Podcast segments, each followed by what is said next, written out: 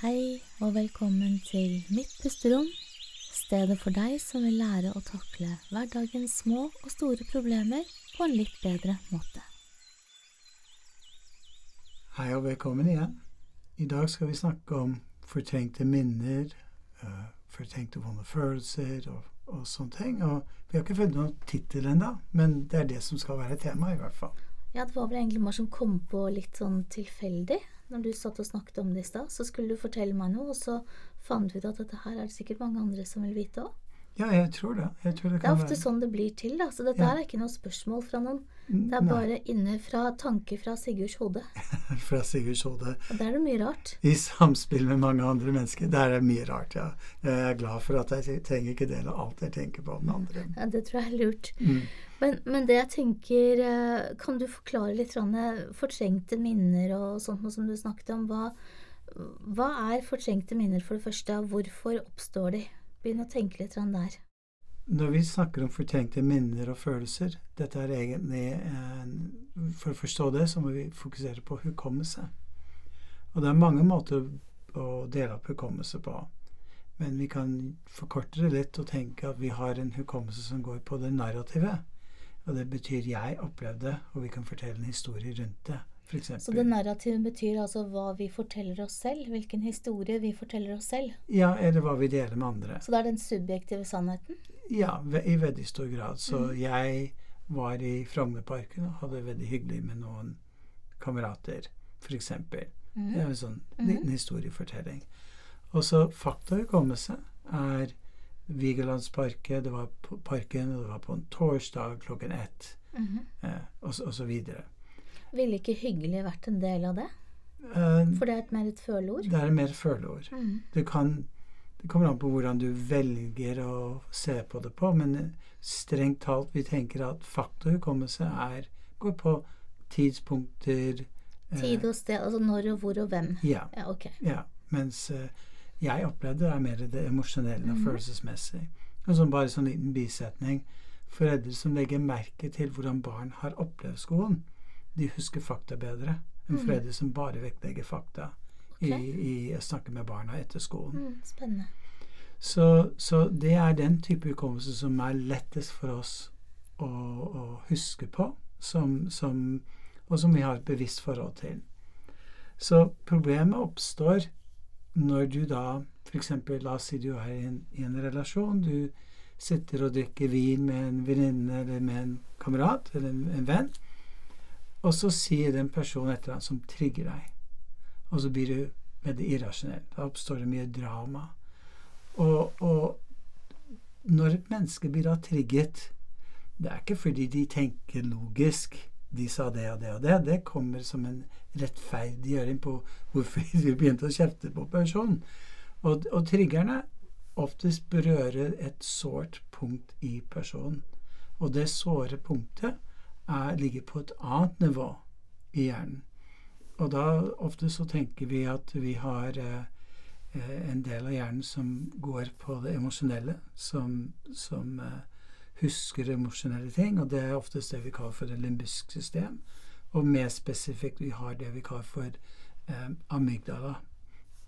Vi liker å forkorte amygdala med en Amy, så at vi kan eh, le litt av Amy og hjelpe kundene våre forstå hva Amy egentlig gjør, da. Det er veldig lett liksom, å forestille seg en liten redd jente da, som heter Amy, og som er litt irrasjonell. Ja, ja, Så da prøver vi å objektifisere, som det heter. ja. At vi tar ut den delen, og ja, Ja. forstår den litt mer. Ja, og, og Amy sin jobb er å stort sett lage regler, hun, og det vi kaller for generaliseringer. Så, og hun er jo i full sving når du er født. Så hun er moden ved fødselen. Så det er ikke sånn som de andre hukommelsene som kommer ved to og et halvt, tre års alder. Ja, for jeg bare tenker at Når jeg snakker med mine kunder om Amy, så bruker jeg å forklare at Amy er som en sånn Den kommer jo ferdig ut, altså den utvikler seg ikke videre noe særlig. Den Nei. er bare reaktiv. Mm. Men den har, hvis Amy kunne snakke, så ville det vært én ting. Er dette trygt? Ja, ja, Og da søke etter om ting er trygt eller ikke. Og finne på en måte regler rundt det, da. ja. Så hennes oppgave er egentlig å redde deg fra å bli spist opp av rovdyr. Mm. Hun skal holde deg i live. Mm.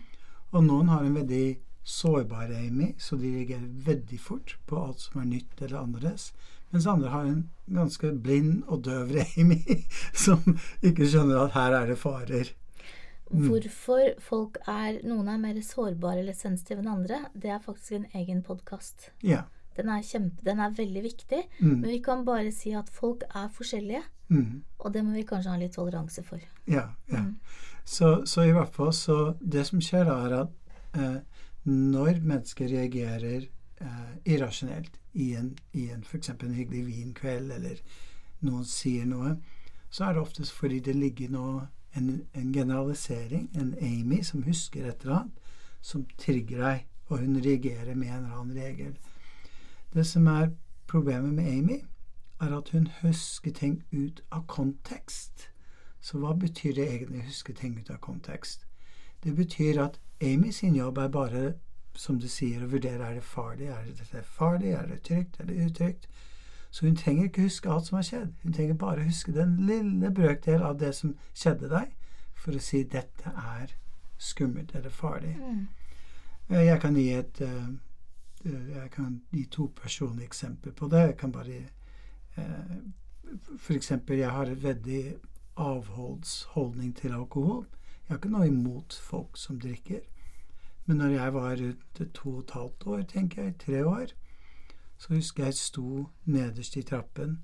Og det jeg egentlig har bare et bevisst forhold til, som jeg husker, at jeg kan se et, et, min far, veldig full, som oppfører seg veldig, veldig eh, kjedelig og nedlatende overfor moren min. Det er alt jeg husker. Bare sånn lite glemt av det. Når du sier kjedelig, så er det antagelig feil adjektiv. Ja, hva tenker Mener du Mener at han var mer truende og sånn? Ellers så hadde vel ikke Hvis han bare var kjedelig, Ja. så hadde vel ikke det trigget Amy. Nei, han var veldig ufin. Han var ufin, ja. Ja, Ok. ja, ja sånn, litt sånn bråkete Ja, okay. også. Og det var skremmende for en liten gutt. Det var veldig skremmende for den lille gutten, ja. For du fikk jo ikke gjort noen ting. Blandet du deg inn? Kan du huske det? Uh, ja, men jeg kan komme tilbake okay. til det. Men, så, så, men i utgangspunktet er det alt jeg egentlig husker, er det en lille brøkdel av å se dette her. Mm. Og da lagde min Amy en regel. Alkohol er farlig. Mm. Det er sånn interessant at jeg skjønte det var alkohol som påvirket han. Mm. Eh, og da var jeg langt opp i 20-årene før jeg turte å smake alkohol. Mm. Og da hadde toget gått. Jeg likte ikke smaken, så jeg aldri fortsatte å, å, å, å drikke. Så jeg er avholds, men og har et helt ok forhold til andre mennesker. Så du har ikke noe problem med at andre drikker? Nei, nei, nei. Men det er mange av kundene våre som har det. Og det er fordi deres Amy har blitt Mm. preget slik at de er redd for andre som drikker. Mm. Men det merkelige er at de oftest kan drikke selv, da. Så de, jeg lager konklusjonen det er alkohol som er farlig, Mm. mens mange andre mennesker har en konklusjon det er fulle menn eller fulle kvinner Eller som er farlig. Eller noen som snakker veldig høyt, f.eks. Ja. Hever stemmen sin. Ja. Eller kanskje smeller i en dør. Det er Ja. ikke mye som skal til. Nei. Men dette her er jo da den vonde følelsen som Amy får, den har hun hatt en gang før. Ja. Hun, vi sier hun, da. Det høres litt koselig ut. Selv om det også selvfølgelig gjelder for mennene. Men jeg tenker at jeg har også en sånn Amy som har aktivert på en ting der, og det er Mm. uh, For jeg, jeg opplever meg selv som et ganske trygt menneske, men når det kommer til lukter, ja. så er det en ting som, som får meg til å Altså umiddelbart så er jeg på alerten, og det Mm. er uh, sånn brannlukt. Ja. For vi hadde da jeg var um, Vi hadde flyttet til Nesodden, så Kristoffer Det var kanskje 25 år siden, da, Mm. cirka.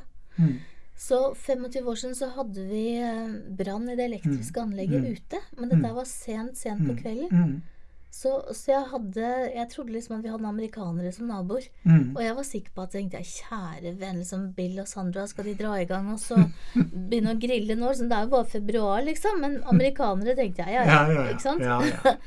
Frem med barbecue. Mm. Og plutselig så hører jeg, og så ser jeg Bill som står da og dundrer på døren og driver og sprayer på veggen min.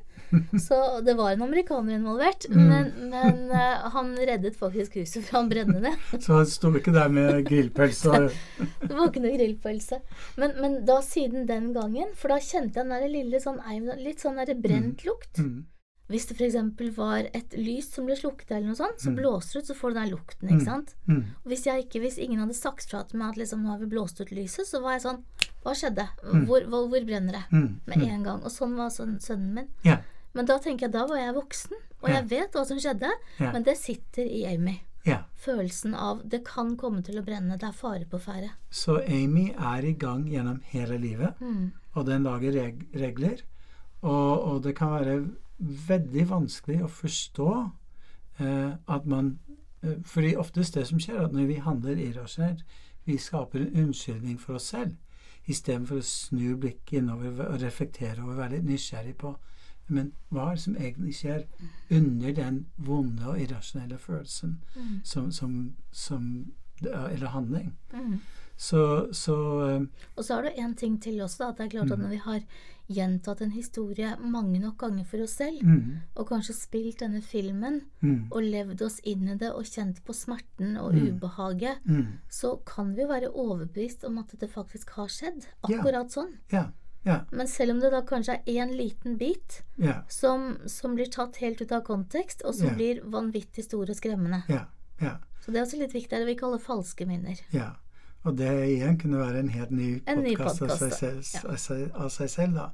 Så det vi må huske på, at hukommelse er ikke sånn som en bok, en leksikon hvor du kan slå opp på side 123, og der, der står det, det og det og det. Hukommelse er som om du skriver på nytt i boka. Så du åpner opp boka, der er noen stikkord, og du begynner å skrive inn rundt de stikkordene. Og det du skriver inn, oftest blir eh, modifisert eh, i forhold til hva du kan nå i dag. Og det er jo også ikke bare hva du kan nå i dag, men det er også hvordan eller hvordan tilstand du har inni deg, da. Ja. Om du har en bra dag eller en dårlig dag. Ja. Hvis du har en dårlig dag, så er det lettere å huske på alt det som er vanskelig og vondt Ja. og slitsomt. Ja. Har du en god dag, så vil du sannsynligvis se litt gjennom fingrene med det, Mm. og, og beskrive historien Mm. helt annerledes. Mm. Så når folk kommer til oss Det er sjelden de kommer bare for å ha en Og det er hyggelig at vi tar imot folk også det, men som skal ha sånn optimal performance. Oftest de føler de sitter fast i noe i livet. Og det de sitter fast i, er oftest bunner i noe dypere enn bare det ene problemet de kommer med. Så hvis de sliter i sjefsrollen, eller hvis de sliter i foreldrerollen, eller hvis de sliter i kjæresterollen, så er det ofte Ikke alltid, men ofte, kanskje jeg vet ikke hvor 85-90% av tiden, så ligger det noe under som de har da fortrengt. Mm. Og det som ligger under, oftest er veldig vondt. Så derfor er det ikke så overraskende at folk begynner å gråte og, og få det vondt når de da får frem dette her. Mm. Og dette har du jo opplevd mange ganger, Ja. kanskje flere ganger daglig når du jobber med folk. Ja, vi bruker opp eh, altså sånn, Jeg har sånn Kleenex, jeg bruker opp eh, gjerne to i uken. Mm. Så det er mange tårer, og så er det tilsvarende mye latter. Mm. Men det minner meg når du snakker om fortrengte minner. Jeg tenker at mange mennesker Det er en sånn aktiv prosess det også. Mm. Det er ganske mange som aktivt går inn for å fortrenge ting, for det er for vanskelig og det er for vondt å ta tak i. Mm. Eller det er ikke riktig tidspunkt. Mm. Eller de vet ikke hvordan de skal si det. Mm. Eller altså Det kan være mye. Det kan være så mange grunner til at man ønsker å fortrenge ting. Mm. Men da bruker jeg å På kontoret så har jeg et, et, eh, teppe liggende. Mm. Og så sier jeg at av og til, så hvis du, tar, hvis du opplever noe vondt, Mm. så tar du Det er nesten det samme som at hver gang det er skitt på gulvet, så løfter du opp det teppet, og så bare feier du under Under teppet. teppet, ja. Mm. Og så gjør du det gang på gang. Hvis du gjør det over noen år, Mm. så blir det en ganske sånn pen bulk under det teppet, som Mm. du sannsynligvis kommer til å falle i hele tiden. Så det vil påvirke deg. Du vil fortsette å falle. Du vil fortsette å forbanne det. Mm. Men, men da tenker jeg, skal vi fortsette å forbanne det og si at sånn er det bare? Eller Mm. skal vi gjøre noe med det? Mm. Skal vi tørre å løfte opp teppet Mm. og se hva som er under? Mm. Men det krever litt mot, da. Jeg er veldig enig. Så, så det, det krever mot å løfte opp, og det gjør vondt å undersøke. Uh, og og da, er det, da er det veldig viktig å bare I hvert fall sånn som jeg jobber, da. Vi er litt forskjellige, du og jeg. Uh, jeg jeg har inntrykk av at du ser mye raskere. Du føler Du nesten resonnerer emosjonelt med kunden. Eh, det kan jeg gjøre til dels, men jeg er mye mer avhengig av å se reaksjons... Det tror jeg du også gjør. Men jeg resonnerer ikke på, på samme måte. Jeg får, kjenner ikke de Mm. vonde og dype følelsene på samme måte som du gjør. Så jeg er veldig nødt til å liksom bare se på og virkelig forstå. og minne meg selv på at her kanskje Mm. ligger det noe dypere. Mm. Og da stiller jeg sånn spørsmål hva som egentlig kan ligge under, eller ligge bak den følelsen. Og, så, og så har jeg tidligere som terapeut vært fornøyd hvis vi har fått tak i noe, og jeg ser en emosjonell endring. Men så har jeg liksom, liksom forundret meg over at ja, vi skaper en endring der og da, men det skjer ikke en videre bedring, en generalisering i personens liv. De fortsatt har litt lite energi, eller de fortsatt ikke får til det de ønsker. Mm. Så jeg begynte å grave litt dypere, jeg. Og liksom spørre Når jeg først får tak i en så, slags på ett nivå, så tenker jeg det må kanskje, kanskje det ligger et litt dypere nivå her, da. Mm. Og da begynner jeg å grave det videre. Mm. videre. Men jeg har inntrykk av at du skjønner at der er det allerede et dypere nivå. Nei, jeg vet, jeg vet ikke. Det, det er litt sånn rart. Jeg er litt sånn rart skrudd sammen, tror jeg. Mhm. Og dette her er ikke noe jeg er bevisst, men det er noe mer som en Kanskje bare noe jeg alltid har hatt med meg. Mhm. At jeg bare plukker opp andre menneskers eh, følelser. Mhm. Altså som en empat, da. Mhm. Eh, men det er ganske mange ganger på kontoret at jeg, jeg må være veldig bevisst min egen pust. Mm. For det jeg kjenner hva de føler. Ja. Um, og av og til så sier jeg, vet du hva, når jeg ser på deg nå, så Mm. kjenner jeg. Ikke sant? Da føler jeg meg. Og så Mm. begynner jeg å beskrive hva jeg føler. Ja. Ja. Og da er det nesten som å sånn, ta en hammer og så bare bang, bang, bang, så har du spikeren inne på tre ganger. Ja. Fordi at det er så himla godt å bli sett. Mhm. Og bli forstått og Mm. bli skjønt. Mm. Og jeg vet ikke om dette her er en sånn jentegreie, men det er utrolig deilig at noen kan lese tankene dine. Mm. Mhm. Og selv om jeg ikke kan lese tankene, Nei. Nei. så kan de oppleve at jeg gjør det, fordi at Mm. jeg kjenner deres Mm. følelser. Og jeg tror kanskje enda viktigere, jeg tåler dem. Ja. Ja. Jeg, jeg tåler smerten, Mm. jeg tåler sinne, jeg tåler frustrasjonen. Mm. Jeg tåler at de kanskje gjør den samme feilen mange ganger. Og jeg kan kjenne på skammen deres. Men jeg kan kjenne på alt dette her, og så Mm. har jeg et verktøy med å puste godt ut, Mm. som jeg gjør litt i stillhet. Mm. Og så er jeg ute igjen. Mhm. Og da er det som er litt Jeg har en, en ørn på kontoret Mhm. som jeg elsker dette metaperspektivet. Så jeg Mm. kjenner at liksom, nå kjenner jeg følelsen, ta en god pust, så Mm. flyr jeg opp, og så ser jeg hva som skjer. Og så er jeg ute av følelsen. Så jeg blir jo ikke i følelsen, selv om Mm. jeg kjenner den. For jeg kunne ikke sitte, ville jo ikke vært noe poeng å sitte og gråte med dem. Mhm. Eller sitte og være sinna og synes at Mm. livet er urettferdig og det er dumt og sånn. Mm. Da kan de bruke pengene bedre et Mm. annet sted. Ja. Så, så, så dette her er bare noe jeg er født med, Sigurd. Eh, At jeg bare plukker opp. Og en annen ting, altså nå høres jeg veldig rar ut, men jeg må si det allikevel. Mhm. Ok. Og det er at eh, når folk har det vondt, og når de har det vanskelig, så blir jeg utrolig varm på hendene. Ok. Pappa var akkurat lik. Ja. Og igjen, kan ikke forklares. Nei. Nei. Men igjen, jeg tror, er, jeg tror litt grann på energier. Ja, så bra. Jeg tror at det føles Det bare føles ut som jeg har noe jeg kan gi dem. Altså Akkurat som jeg har overskuddsenergi. Når de har lite, mm. så får jeg litt mer energi. Ja. Og da får jeg litt mer trøkk, jeg kommer med litt flere løsninger, jeg får litt mer håp når de har mistet det. Eh, Så, så det går egentlig så, Men alt der er helt intuitivt. Ja. Ja. Mens du er litt mer Du er nok litt mer til å tenke og lære å bruke TOTE-modellen og sånt, da. Ja. Ja. Funker det? Skal jeg gå tilbake? Hva skal jeg gjøre videre? Mens jeg bare.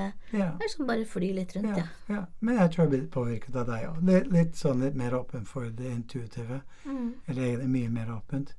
Så jeg kan fortelle en sånn uh, morsom uh, klienthistorie. Og jeg forandrer selvfølgelig navn og alder og alt mulig. Men la oss si dette er en, en dame som heter eh, eh, Berit er fint. Berit er et fint navn. Ja. Så Berit er en ung, ung kvinne, en leder, en veldig intelligent kvinne. Men hun eh, opplever at hun har en OCD. Hun hele tiden må gjøre ting på en bestemt måte, skal gjøre ting alltid på samme måte. Og så har hun en litt sånt avslappet forhold til eh, alkohol og, og, og, eh, og hasj. Så hun kommer til meg selvfølgelig for å prøve å rydde opp i alt dette.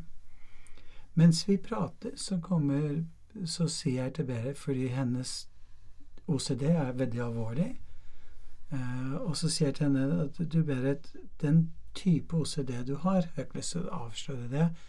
Det er ikke Det er en litt uvanlig type OCD. Så jeg tror det må ligge noe mye mer alvorlig og dypere under der. Og så begynte hun å undersøke det, og hun ble helt sjokkert, for hun oppdaget at hun hadde da vært misbrukt som barn. Eh, og, og, Hvordan fant hun ut det? Nei, jeg utfordret den OCD-en Mm. og sa at det tror jeg ligger noe under, og hun begynte å Var dette hypnose, eller? Nei, jeg vil si ja, det kommer an på at vi oftest når vi jobber, da, så kan mennesker falle ned i en spontan transe fordi du stiller med et spørsmål. Og da, er time, da har timing alt Mm, å si. Så når jeg ser at hun responderer med å gå i en slags spontan type hypnose, da kan jeg kanskje komme med et forslag sånn Og mens du sitter der og virkelig tenker over hva som har skjedd deg, kanskje noe spa spontant vil bare komme frem. Mm. Og da plutselig så får du en sånn, en sånn opplevelse på hva som har skjedd, og blir helt sjokkert selv. Mm. Det interessante er at vi fikk ikke noe stor gjennombrudd akkurat der og da. Vi, det var et stort gjennombrudd, men det var en prosess i seg selv å konfrontere den, den personen eh, som hadde eh, begått dette eh, overgrep, og, og, og det tok sin tid for Berit liksom eie dette her og jobbe med det. Men så hørte hun på Mitt pusterom, okay. det vi jobber med. Ja. Og hun hørte på noen podkaster, og hun hørte på noe som, som du snakker veldig mye om. Hvem er jeg i ferd med å bli? ja, ikke sant? En av favorittene mine. Ja, Og hun begynte å tenke litt over Hvis jeg fortsetter å røyke, hvem er jeg i ferd med å bli? Mm. Hvis jeg fortsetter å drikke Jeg kommer til å bli en alkoholiker. Det, det er ikke meg. Mm. Så, så først så stikker vi hull på den fortrengte minnen på jeg har vært over, offer for et overgrep. Vi bearbeider så hun ikke ser på seg selv som offer lenger. Og så begynner hun da, men fortsatt, hun har fortsatt litt, så litt sånn OCD som henger igjen, og litt sånn andre typer ting. Og så begynner hun å jobbe med hvem er jeg i ferd med å bli. Så hun bruker det som en form for å trigge seg ut av en vond eh, eh, vonde handlinger. da. Mm. For hun vil ikke bli sånn. Mm. Og da, fordi vi har da bearbeidet de de- Fordi hun egentlig det var en, for OCD var en måte å fortrenge de, den overgrep, overgrepet. Og alkohol og marihuana, eller hasj, var en måte så, som selvmedisinering. Mm. For å liksom få sove. Mm. Og når hun da Og det, det tok henne kanskje fire-fem måneder før hun klarte å forstå det selv. Ok, Men, det er jo det som er viktig. Hvis ikke hun har eierskap til det selv, det hjelper jo ikke at du eller jeg skjønner det. Ja, Hun må jo forstå det selv. Ja. Altså, Så det gikk i hennes tempo, ja, da. så bra. Og hun kommer tilbake med og er så fornøyd, da. Hun har da Fint. sluttet å drikke. Mm. I hvert fall blitt mer sånn sosial drikking. Ja, ja. Og har valgt å gå og ta en videreutdanning innenfor ledelse. Mm. Så det er eh, en veldig spennende historie om hva Mm. som skjer når man stikker hull på byllen. Når man Mm. får tak i den grunnleggende eh, ting som hun har da fortrengt. Mm. Mm. Da, det, det minner meg litt om en av mine klienter. Som, for det, hvem er du i ferd med å bli? Mm. Det er jo noe som jeg stiller veldig ofte spørsmål. Da Mm. tenker jeg dette her, hun jeg snakker om, hun hadde ganske mange kilo for mye. Mm. Hun var langt over 100, Mm. og hun var en liten dame. Så dette her hun, hun, hun følte selv Hun omtalte seg selv som en sånn liten rullende ball. Mm. eh, og lo litt av det, som Mm. veldig mange gjør. Mm. Og hun hadde veldig mye Hennes Amy var da koblet opp til veldig mye at hun hadde alltid vært sånn. Mm. Ikke sant? Hun var den lille, runde poteten i familien. Ja. Hun var den som Ja. så, Og så hadde hun da Men hun hadde prøvd å kompensere med altså, Hun skjøv de vonde følelsene under teppet Ja, med ja. å le av det. Ja. Med å si at eh, hun var Noen måtte jo få lov til å være litt sånn eh, Noen måtte sitte og passe på veskene mens de andre danset. Mm. Noen måtte være der når de guttene slo opp med venninnene. Mm. Så sa jeg alltid den som er stabil, jeg er her. Mm. Men hun var en liten rund potet. Mm. Eh, og hun hadde, var stappfull av skam. Ja, oftest folk som er overvektige, har mye skam. da. Veldig mye skam. Og da blir det en sånn veldig vond sirkel også, for da at da du har skam, du har en vond følelse, så vil du ha litt serotonin. Da gjør du da, da spiser du karbohydrater. Mm. Mm. Og så, og så har du Så føler du kanskje at jeg passer ikke inn i den tightsen lenger, Mm. så da kan jeg ikke gå og trene. Mm. Og så har jeg kanskje blitt så vondt i knærne at jeg kan ikke gå tur engang. Mm. Mm. Og så kan jeg ikke gå på den der nye Jeg kan ikke gå på noe dating. Mm. For det at de vil ikke like meg likevel. Så blir man gjerne ensom og isolert, litt sånn som vi snakket om i forrige Mm. podkast. Mm. Så det er en veldig vond sirkel. Så, men det som jeg da gjorde henne, for jobbet med identitet, og det som var interessant, det var at den hun ønsket å være, og den hun alltid hadde trodd hun var, Mm. Var milevis fra den hun egentlig mente at hun var blitt. Ja. Ja. Og så gjorde vi det superenkelt. Vi sa at hver gang Jeg bare ga henne en veldig enkel ting. Så sa jeg hver gang du skal spise noe, eller gjøre noe, så skal du ha to spørsmål. Mm. Og du skal ene her Kommer jeg til å være stolt av dette i morgen? Mm. Og ville jeg gjort dette foran andre? Mm. Mm. Og da, så, så da kommer jeg til å være stolt av å spise opp halve bløtkaken om natta, liksom? Mm. Mm, Nei. Ville du gjort det for en andre? Nei. Mm. Så da spiste hun ikke opp den halve bløtkaken. Mm. Da gikk hun og ga den til naboen istedenfor, som Mm. hadde masse unger. Ja. Så da ringte hun på der klokken halv ti på kvelden og sa du, Mm. jeg blir ikke stolt av det, men dette her vil jeg være stolt av. Mm. Hvis jeg gir den til deg nå, så er jeg stolt av at jeg har fått det til. Jeg har stått imot. Jeg Mm. var sterkere enn Mm. karbohydratene denne Ikke gangen. sant? Og da, hvem er hun i ferd med å bli da? Da var hun i ferd med å bli en som tok kontroll over situasjonen. Mm. Og så ble hun jo stolt og Mm. fornøyd og glad og fikk litt energi. Mm. Og da, sannsynligvis da Nå bare gjetter jeg, men la oss si neste dag, da når hun går i butikken, og så skal hun kanskje handle litt mat, Mm. og så har hun McDonald's, og så har hun fruktvarehandler ved siden av. Hva vil hun være stolt av dagen etterpå? Mm. Av ha, hva vil hun være stolt av å ha handlet? Mm. Blir det liksom en dobbel cheeseburger med masse fries igjen, og tre eplepai liksom til dessert?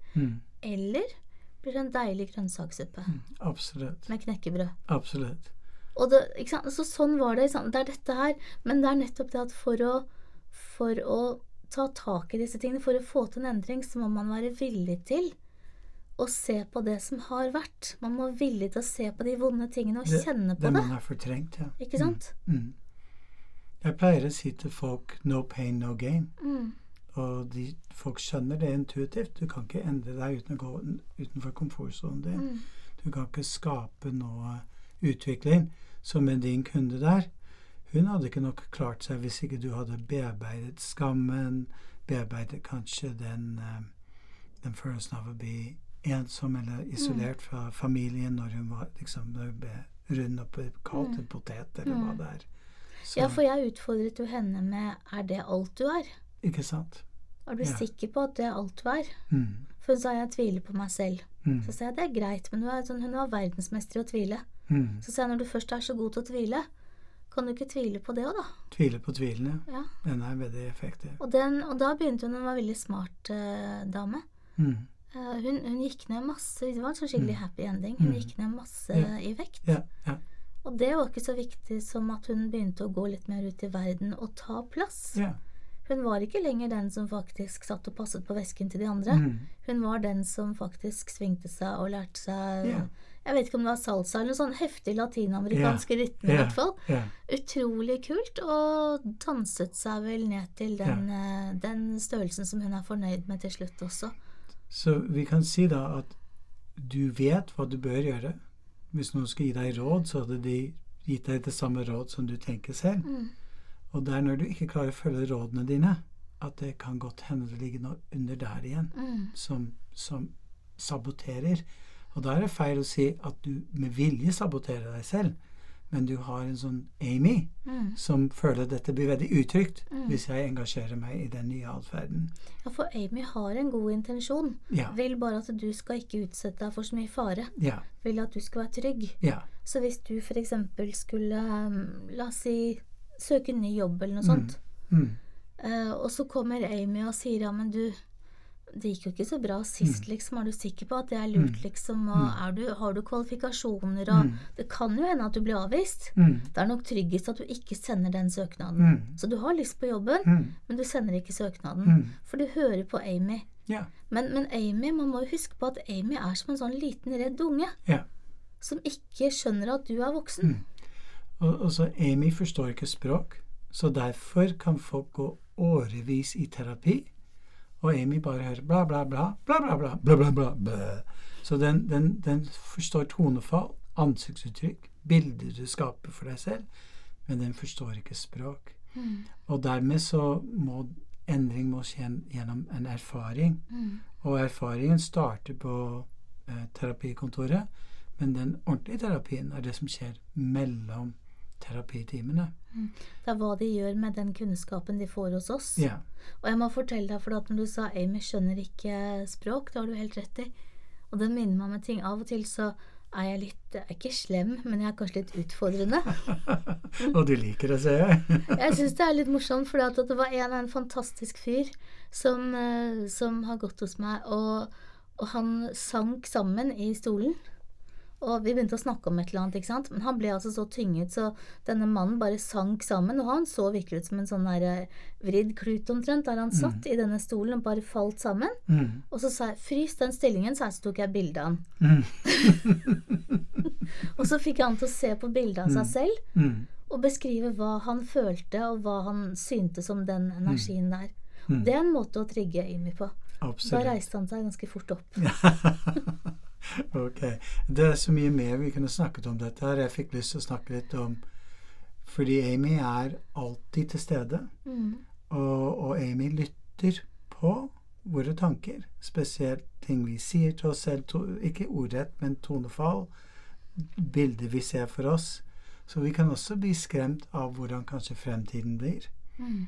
Eh, og, og, og det kan da spille en rolle i f.eks. de valgene vi tar i forhold til hvordan vi investerer penger, eller hvordan vi eh, tar vare på helsa. Eh, og en veldig vanlig forsvarsmekanisme som folk har, er, har, er 'det kan ikke skje meg'. Så hvis du f.eks. Eh, tenk på alderdommen. At, ikke sant? Jeg er jo 60. Jeg ser for meg moren min som er Heldigvis hun, jeg har mor som fortsatt lever. Hun er 88. Men hennes kropp er jo veldig skrøpelig da, i forhold til en 60 år gammel kropp. Vi er- snart 61. Du vil ikke si det? Ja. hvor, hvor gammel blir du snart? Jeg er litt yngre. Snart 58. ja, så lenge. Så jeg er, la, jeg er langt under 60-tallet. ikke sant? Jeg hører en Amy som fortrenger litt her, Jeg lurer på det. Jeg vil ikke godta de rynkene og det som skjer. Tyngdekraften har ikke noe med meg å gjøre. Nei, nei, nei. Så det, det er det jeg mener. er at Vi fleiper litt om det, men Amy kan veldig fort reagere på fremtidsfrykt. Ja. Og noen mennesker faktisk tar, tar gode valg. Mens eh, de sier 'det kan skje meg', og de begynner å spare til pensjon i en tidlig alder. Mm. Mens andre mennesker tenker 'det kan ikke skje meg', og de da bare ikke sparer og bare bruker opp. for eksempel. Og jeg tenker i hvert fall hvis først skal Hvis vi nå prøver vi å oppfordre lytteren til å gå litt i seg selv og tenke litt på dette her. Mm. Og jeg tenker at det er noe En sånn grunnleggende energi som er viktig når vi skal se på oss selv. Mm. Når vi skal ha litt introspeksjon, som det heter. At vi skal Ja. reflektere om oss selv. Mm. Om atferden vår, om følelsene våre. Vi skal tenke litt på hva vi har gjort, eller kanskje ikke gjort. Mm. så er det viktig at vi har med, oss, har med oss den energien som jeg prøver å ha på kontoret. Det er sånn vennlig, Mm. nysgjerrig og undrende. Ja, absolutt. For at da, da er det ikke så farlig. Vi må ikke ha svar med en gang. For det er veldig ofte at når vi begynner litt sånn graving, så, så kommer vi på noe, og så skjer livet, og så er det mange ting som og Så har man ikke tid, og så kan man starte litt igjen. Mm.